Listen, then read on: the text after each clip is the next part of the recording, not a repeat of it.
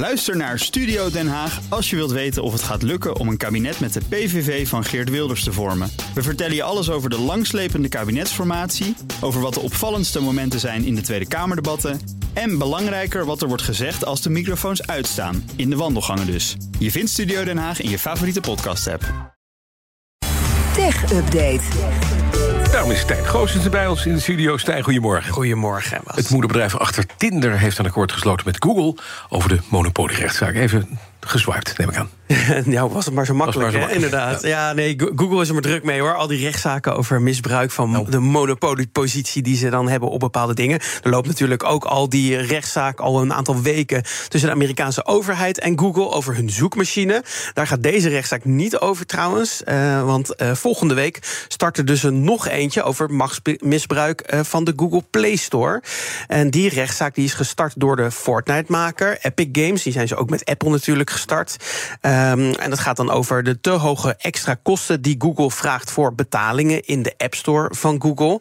Eh, Match Group, dat is de maker van inderdaad van Tinder onder andere, die sloot zich in mei vorig jaar aan bij eh, Epic Games om, om diezelfde aanklacht. En er zijn ook een aantal Amerikaanse staten die meededen met de aanklacht. Maar eh, die staten die zijn in september al ehm, ja, gestopt omdat ze een overeenkomst hadden gesloten met Google. En nu heeft ook Match Group zich teruggetrokken door zo'n overeenkomst. In ruil voor die terugtrekking, die settlement noemen ze dat natuurlijk, eh, krijgt Match Group eh, 40 miljoen dollar aan borg terug. En eh, over een half jaar, in maart 2024, zullen de dating apps eh, van eh, Match Group eh, vallen onder Googles nieuwe betalingssysteem. Dat betekent dat Google maar 11% zal vangen van abonnementen en 26% over aankopen die dan via het betalingssysteem van Match Group zelf gaan in de Play Store. Ehm, en daarmee ja, blijft alleen Epic Games nog over als aanklager in deze rechtszaak. Die willen namelijk niet settelen met deze voorwaarden, eh, omdat Google met dit nieuwe betalingssysteem nog meer controle zou krijgen over de transacties tussen de gebruiker en de ontwikkelaar. En dat is nou precies waar zij boos om zijn. Ja, waar Epic van zegt, dat willen we niet. Precies, ja. Dus aan. Tim Sweeney heeft alvast, eh, dat is de CEO van Epic Games, heeft alvast bevestigd dat ze gewoon doorgaan. Eh, dus die rechtszaak die komt er gewoon volgende Ja, week. mooi. Nou, YouTube is nu echt begonnen met het blokken van adblockers. Ja, een paar maanden geleden meldde ik het al dat YouTube dit eh, aan het opzetten was. Toen kregen sommige gebruikers al een melding dat ze een adblocker uit moesten zetten als ze een video wilden kijken.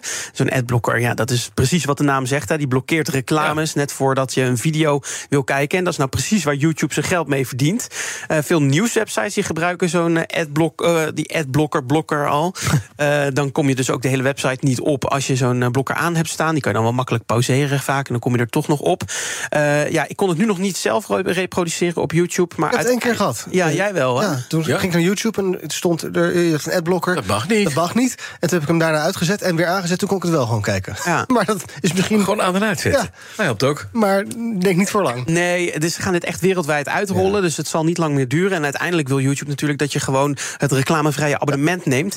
Nou hadden ze een goedkope versie ervan. Die hebben ze geschrapt in Nederland een paar weken terug. Dus je moet nu 12 euro per maand betalen voor dat is een lekker dure ad. Oh, dus 12 euro per maand voor YouTube. Een tientje voor X. Wat was het ook weer bij Meta? Hebben we van nog 17,88 euro. Ja, precies. Nee, oké. Nee, dat gaat lekker zo. En dan heb je ook nog Netflix. En, eh, nee, voor het duur. Vanaf vandaag kun je websites tegenkomen met .ing als domeinnaam. En dat levert leuke woordspelletjes op, hè? Ja, nou, Google die introduceert Nou. dat vandaag, het nieuwe .ing-domeinnaam. Dus net zoals eh, .nl of .com, maar dan .ing. Nou, ik denk dat de denk dat eh, Tinder zijn naam Nederlandse bank daar ook wel blij mee zal zijn. Tindering, ja, dat zou ook wel leuk zijn. Ja, vooral in het Engels kan je daar heel veel mee. Eh, er, lopen zijn, er zijn sommige domeinnamen ook al die echt heel hoog oplopen in prijs. Want daar moet je natuurlijk voor betalen. Ja. Thinking en buying, dat kost nu al 40.000 of 130.000 dollar per jaar om dat te registreren. Eh, en eh, Google heeft ook al een aantal websites eh, weggegeven. Of eh, ja, eh, een, akkoord gesloten met een aantal andere grote namen. Adobe heeft editing. eh, en Canva heeft designing. Dan heb je nog giving voor donaties en goede doelen. Dumpling, surfing, making. Ga zo maar door. Ik zag, eh, ja, het is misschien een beetje vroeg, maar Fuck.ing voor 11.000 euro per jaar. Ja, nou, ik zou bijvoorbeeld Willem-Alexander de Koning aanraden. Dat kost nog niet zoveel. Ver- verhuizing voor de beste verhuissites. Eh, nou, ga zo maar door. Je moet je er natuurlijk wel voor opgeven. Het is niet zeker dat je die domeinnaam dan ook krijgt. Eh, en Google komt trouwens ook deze maand met .meme. Dus daar kunnen we ook M-E-M-E. En waarom doen ze dit gewoon geld verdienen of zo? Natuurlijk. Ja, en eh, waarom omdat ze tijd over hebben naast Ja, al die ze rechtszaken Ze willen natuurlijk. creativiteit stimuleren, zeggen ze geloof ik. Oh, Ja, ja. dat is het. Nou, dat lukt zeker. Dan eh, BNR Digitaal vanmiddag over openverkiezingen.nl. Gisteren hebben we er uitgebreid aandacht aan Ja, besteed. en zij gaan... Een eh, AI-systeem waarmee je eigenlijk vragen kunt stellen... en dan worden alle eh, programma's naast elkaar Ja, gelegd. je had gisteren Floris hier te gast, Exact. een van de initiatiefnemers. En die is nu ook te gast in Digitaal. Dan gaan ze echt de diepte in. Dus als je er meer over wil weten, kan je vanmiddag naar BNR Digitaal en luisteren. hoe laat is dat ook weer? Dat is om drie uur, maar om zeven uur is er nog een speciale BNR Digitaal Ja. uitzending. En dan met het Nationaal AI-debat live.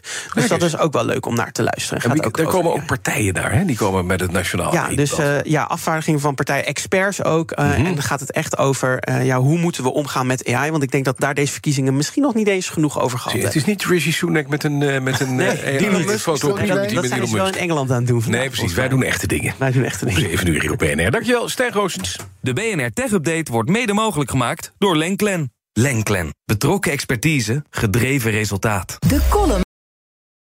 Ook Thomas van Zeil vind je in de BNR-app. Je kunt live naar mij luisteren in Zaken doen. De BNR-app met breaking news. Het laatste zakelijke nieuws. En je vindt er alle BNR-podcasts. Bijvoorbeeld Het Nieuwe Geld. Download nu de gratis BNR-app en blijf scherp.